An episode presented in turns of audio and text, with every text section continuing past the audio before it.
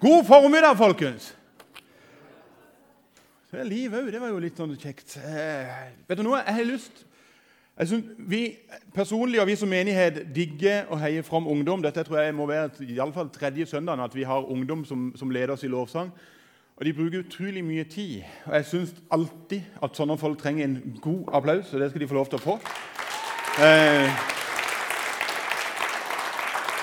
Sist søndag så hadde vi besøk av en gjeng fra Skien. en gjeng med ungdommer der. Jeg traff de igjen nå på fredag, og de sa vet du noe, vet du noe, og dette skal du ta til deg, du som var her sist søndag. Det er så fantastisk herlig å komme og synge og spille i Porsgrunn misjonskirke. Folk er jo bare så med! Og jeg tenker jepp, det liker vi. Mitt navn er Tore Mersland. Jeg er så privilegert at jeg er pastor her. Og for du som er ny her og tenker han snakker litt rart Ja, jeg kommer fra et land litt lenger sør som heter Sørlandet. Et flott, lite land. Og så syntes jeg det var veldig gøy at det ble presentert at det var en fanklubb av besteforeldre og mødre. Og Jeg tror dere håper dere tåler det, men, men jeg hørte just noen som eh, små barn som skulle fortelle hva ei bestemor var for noe. Og Da sa hun det i det jente. Ei bestemor, det er ei som hele slekta har kommet ut av. Og så la hun til Så da er det ikke rart at hun er litt slaskete i skinnet.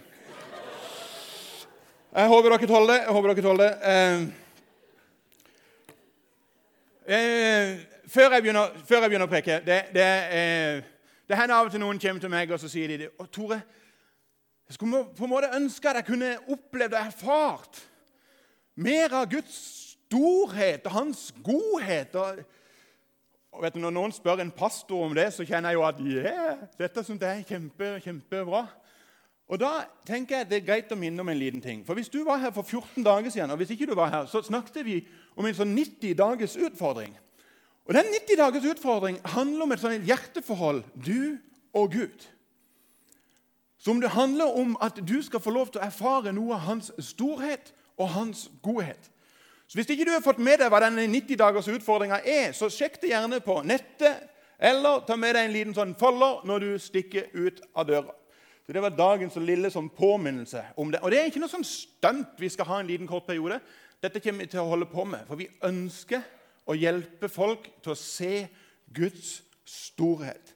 Og Da passer det jo veldig bra som deg, da at vi skal starte med en ny taleserie. Vi pleier her i menigheten å ha noen sånne serier der vi går inn i en tematikk. Eh, og nå, I dag og to neste søndager så skal vi snakke om raushet. Jeg må bare si at det Raushet det syns jeg er veldig gøy. Spesielt når de har raust med mat på tallerkenen. Det liker jeg. Det er veldig bra. Men raushet altså Hvis du virkelig skal få en smak av hva raushet faktisk handler om, så er det jo ingen plass som er bedre å starte med enn han som er rausheden sjøl. Gud. Altså, Kan du komme til noen som er mer rause enn han? Allerede i første side i, i, Bibelen så skal vi lese noen vers derifra. Der står det følgende, så stender det dette. I begynnelsen skapte Gud himmel og jord. Og jorden var øde og tom, og mørket lå over dypet. Og Guds ånd svevde over vannet. Da sa Gud, 'La det bli lys', og det ble lys. Altså, Gud ifra staten så skapte han. Og så skapte han ikke bare jord og himmel og stjerne. Han skapte busker og trær. Han skapte fiske altså Det var veldig gøy at vi sang den der sangen i stad. Vil du vite åssen det låt da Gud skapte? Altså, det sier jeg det bare. Hvis du lurer på om Gud har humor, ta og se på en elefant. Det ser jo ganske sært ut. Men han skapte. Så skapte han elefant og sjiraffe. Og så skapte han mennesker. Og Det var jo ingen som tvingte Gud til å skape noen ting. Gud skapte alt.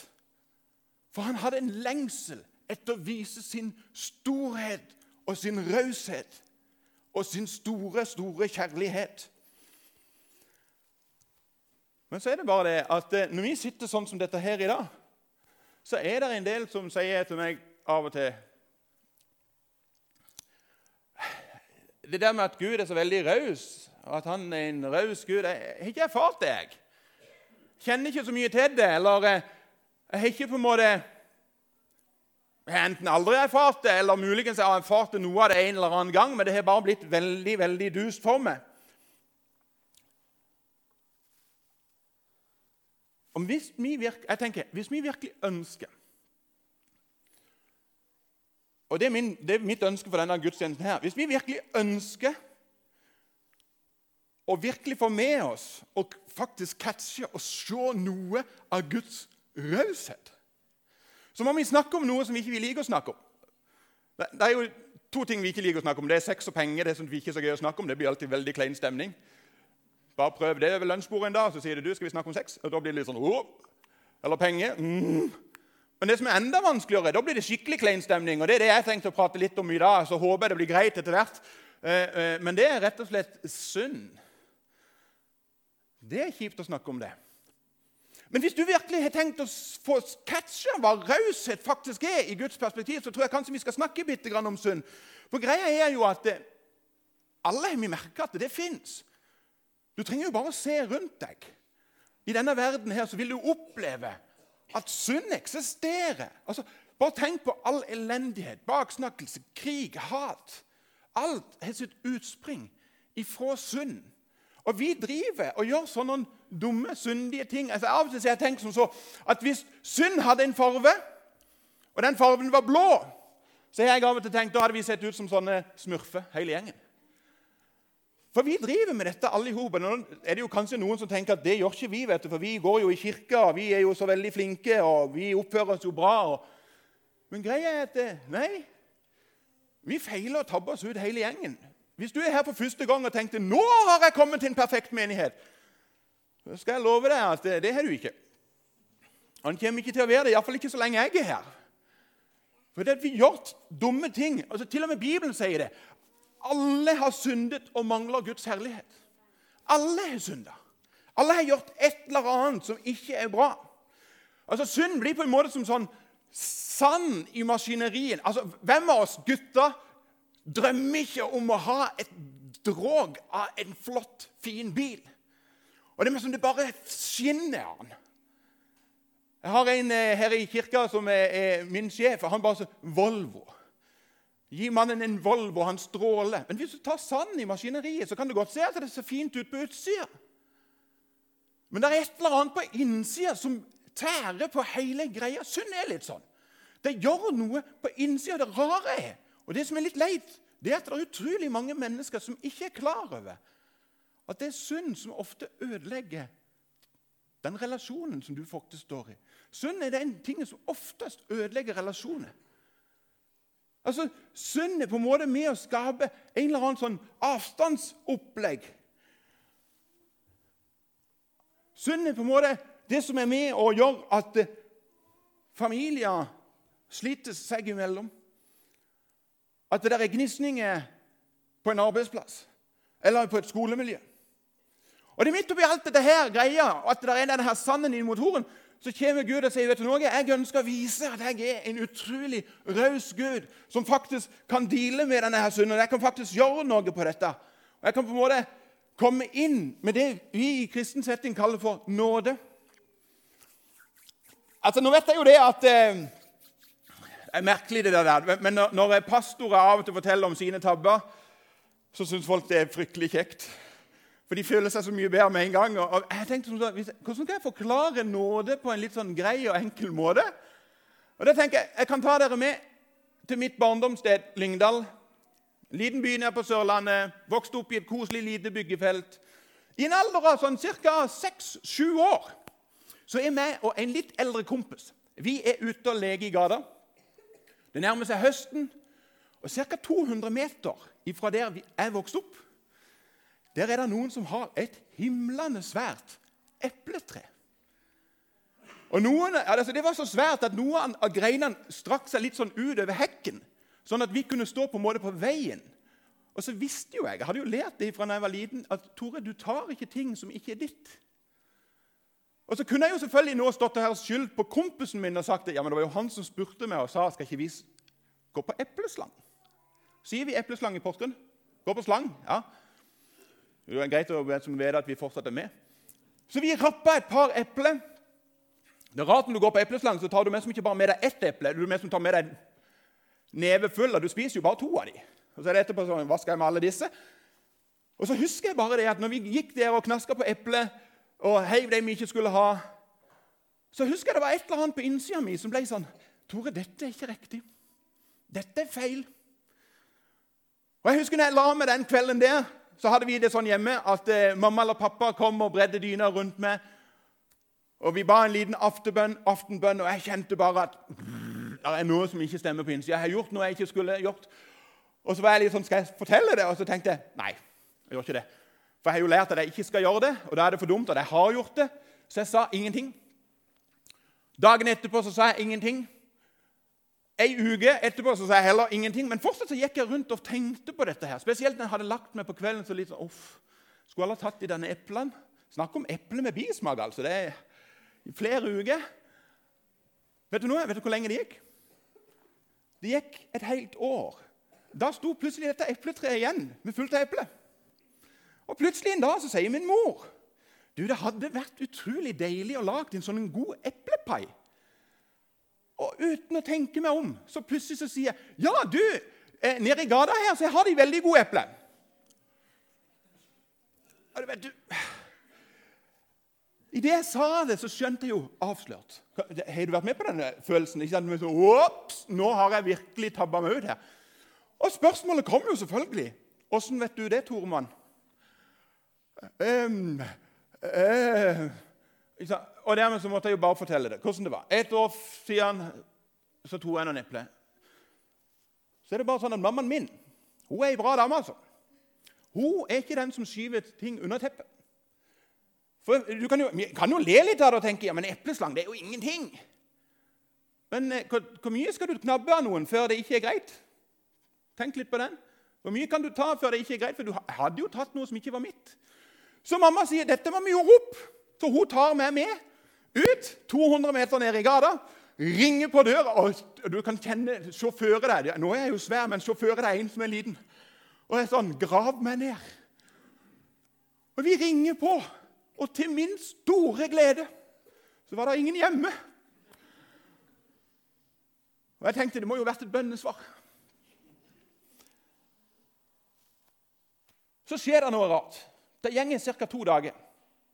Så kommer mammaen min plutselig til meg og så sier hun, 'Tore, de denne eplene som du stjal' Og hun brukte de ordene. 'De eplene du stjal, det trenger du ikke å tenke lenger på.' 'Jeg har vært og snakka med naboen. Alt er gjort opp, og det er ikke noe mer å snakke om.' Og jeg tenkte 'Mamma, du har jo ikke gjort noen ting galt.' Og så står du her og tar støyten for alle sammen. Det er nåde. Det er når noen gjør opp for noe jeg sjøl skulle ha gjort opp for. Det står et interessant vers i salmen, der det stender, i Salme 145, 17, så stender Herren er rettferdig på alle sine veier, trofast i alt han gjør. Altså, Rettferdighet ville jo vært at jeg hadde tatt straffa for hva jeg hadde rappa. Men nåden er at min mor steppa inn istedenfor meg. Og Det er dette som er Guds store raushet når han sier i Jesaja vi, tok, vi gikk oss alle vill som sauer. Hver tok sin egen vei.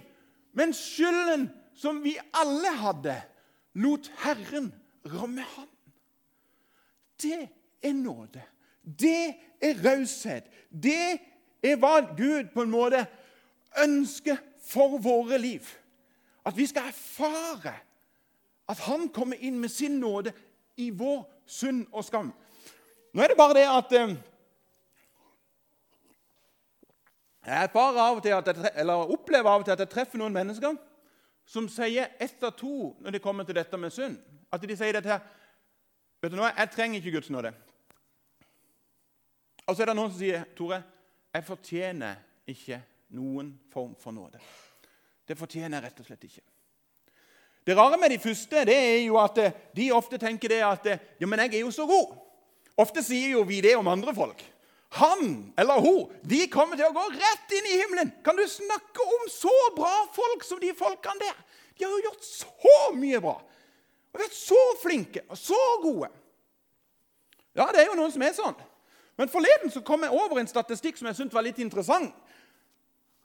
Og Vet du hva den statistikken sa? Den sa det at alle mennesker bløffer eller lurer Bløffer, lurer 200 ganger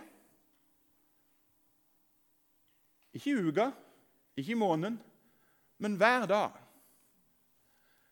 Og jeg mener så bare What? Gjør jeg det? Ja, greia er nemlig det at vi gjør det veldig ofte med vårt kroppsspråk. Vi prøver å framstå i nesten alle sammenhenger som litt bedre enn det vi faktisk er. Men nå er jo selvfølgelig ikke det her inne. Altså, Vi er jo folk fra Porsgrunn. Altså, dette, er folk, dette er sikkert en statistikk fra Skien. Det er jeg nokså sikker på. Vi her i Porsgrunn, og spesielt vi som går i denne menigheten her, altså, vi er jo ikke på det nivået. Vi er kanskje halvparten. 100. Nei, vi er ikke så galt. Ti. Ti bløff i døgnet. Du klarer å over ti bløff i døgnet det blir 306, 3650 bløff i løpet av et år? Hvis du lever til du er 80, så blir det 292 000 bløff. Og det er klart at Når du kommer med den sekken med bløff og lureri og fanteri,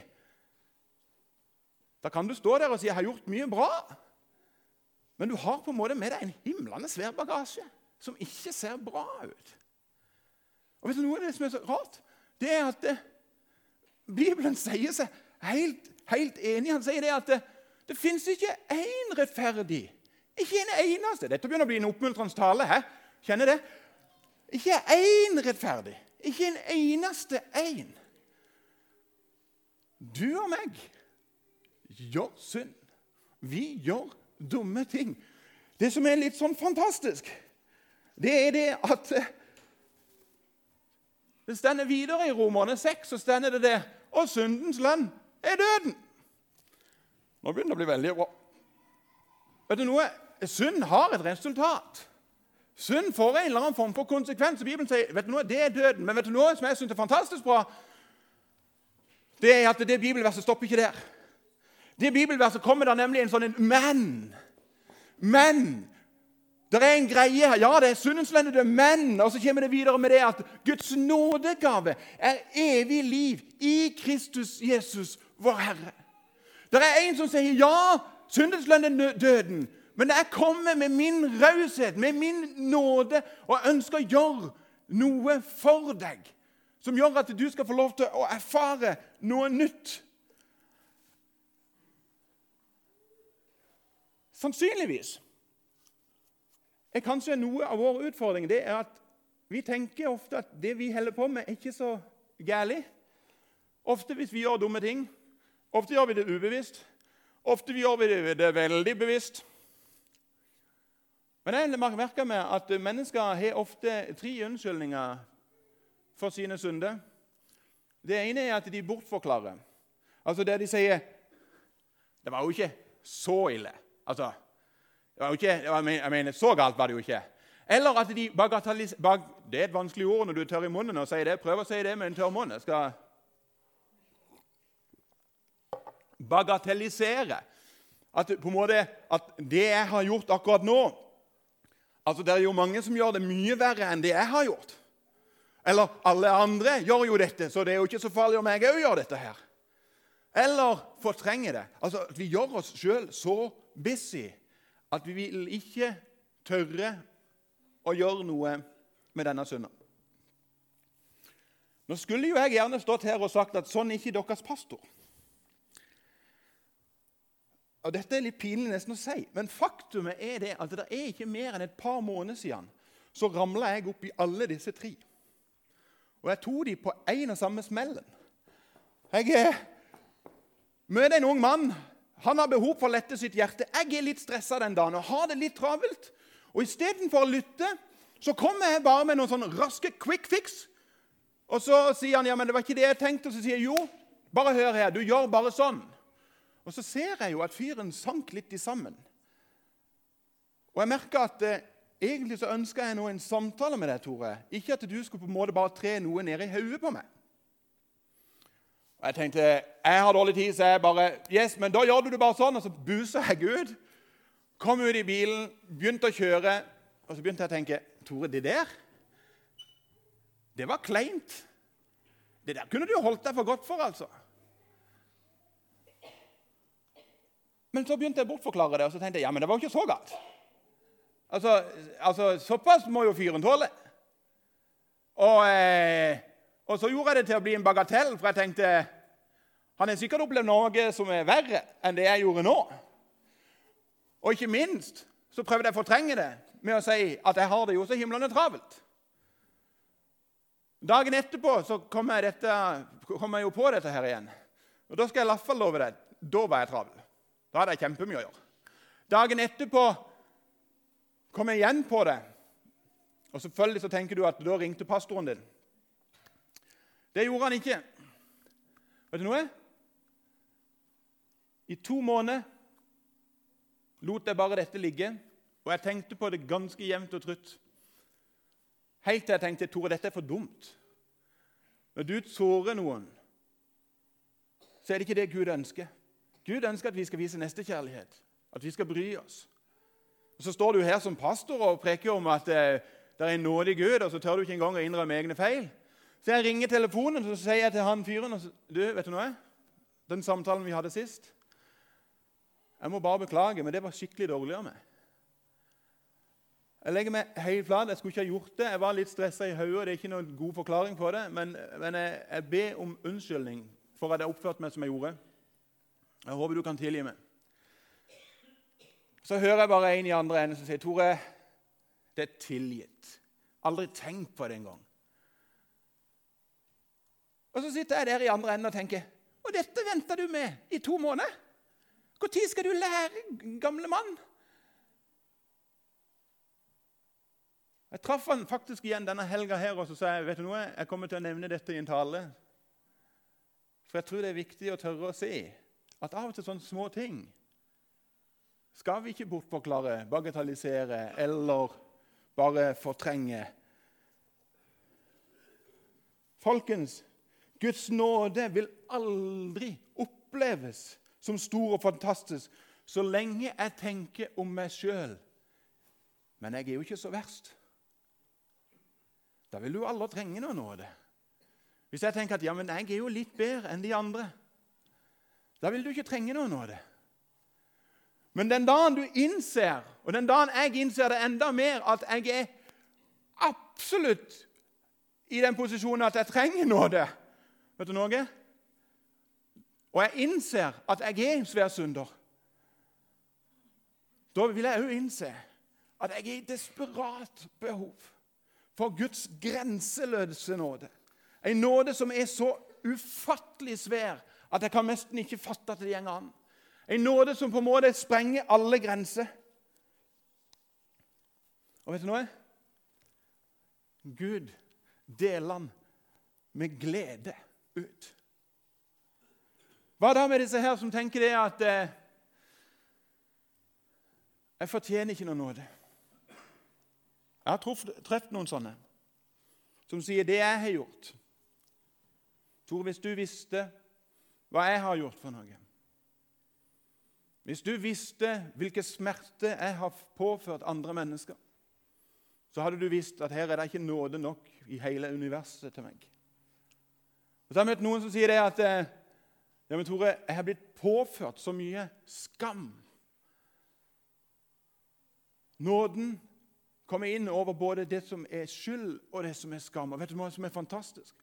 Det er ikke ofte jeg bruker matteuttrykk, men nåden, det tegnet der, det betyr større enn. Nåden er større enn. Og så kan du fylle ut hva det gjelder for ditt liv. Nåden er større enn all din skyld og skam. Nåden er større enn den løgnen som du og meg har spredd rundt oss. Nåden er større enn den baksnakkelsen som vi har gjort med jevne mellomrom. Nåden er større enn all form for misbruk. Nåden er større enn all form for overgrep. Nåden er større enn all form for overtramp. Nåden er større enn de sårende ordene som du vet var med å ødelegge et vennskapsforhold eller en familierelasjon. Nåden, nåden er større enn Han vil alltid, alltid være størst.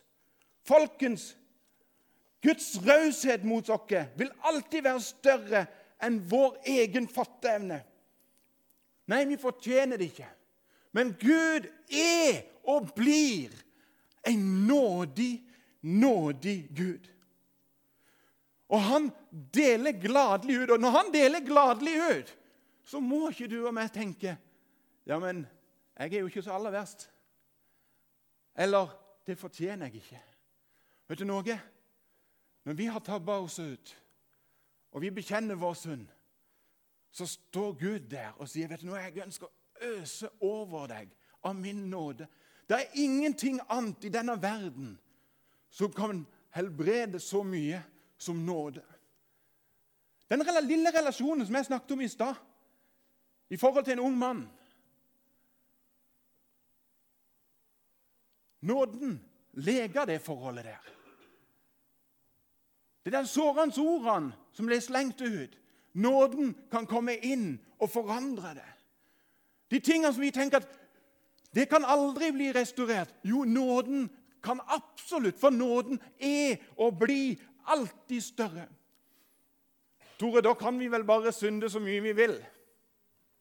Nei, selvfølgelig ikke. Selvfølgelig ikke. Vet du, Noe av det jeg sier nå, det må du bare få med deg. Vi skal aldri Hør! Vi skal aldri minimalisere syndens alvor. Synd er alvorlig. Synd ødelegger relasjoner. Bare tenk på alle de sår du og meg har opplevd opp gjennom årene, som er blitt påført oss av andre folk. Syndige ting.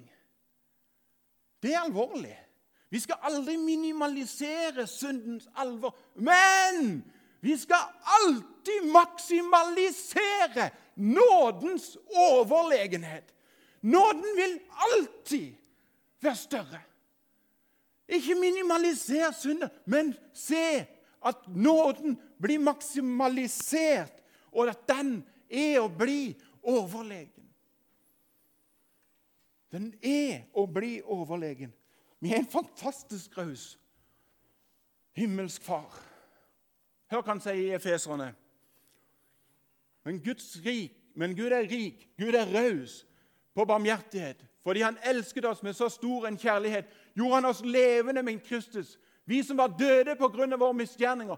Av nåde er dere frelst.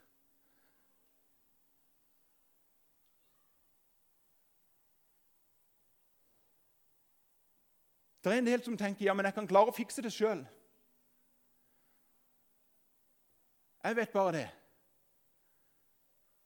at min relasjon med mine barn, min relasjon til min kone Hadde ikke nåden kommet inn den tida jeg ikke var en kristen, så hadde det aldri blitt reparert.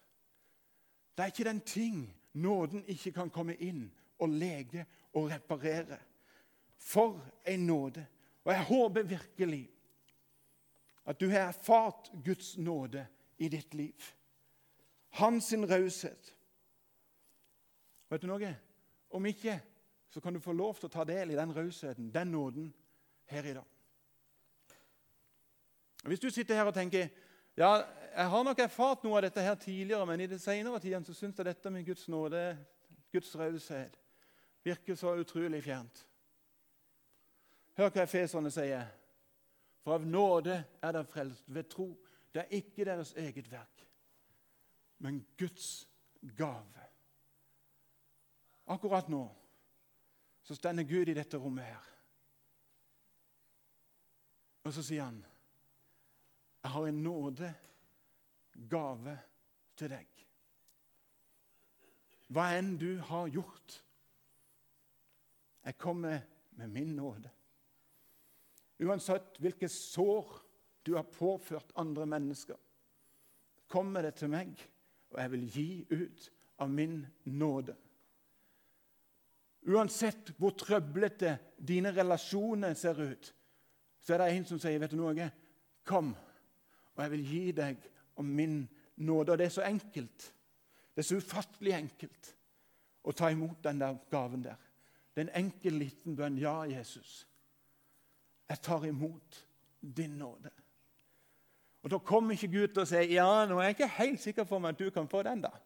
Vet du noe? Han kommer til å overøse deg med nåde. Langt over din fatteevne. Folkens, lev i nåden hver eneste dag. Ikke tenk at i dag trenger jeg ikke nåde. Hvis denne pastoren her trenger nåde hver dag, så er det sannsynligvis flere folk som gjør det. Aldri minimaliser syndens alvor, men se at nåden blir maksimalisert og er overlegen i forhold til all synd. Gud er en raus Gud. Ikke bortforklar, men vend hjertet hver eneste dag til Gud. Lovsangstimen dere kan komme. Jesus, jeg takker deg for det at vi kan få lov til å erfare din store raushet. Takker deg, Jesus, for det at du var villig til å gi avkall på absolutt alt. Takker deg for det at eh, det er ikke en ting, ikke en synd eller skam, som ikke du har nagla fast til korset. Alt, Jesus, tok du på deg. Alle våre store feiltrinn, alle våre små feiltrinn. Alt sammen nagla du der. Og så står du foran oss, Jesus, og jeg ber om at vi er vidåpne for å ta imot din nåde, din godhet, din kjærlighet, din glede og din fred. Takk for at du elsker oss med en evig kjærlighet. Det priser jeg deg for. I Jesu navn. Amen.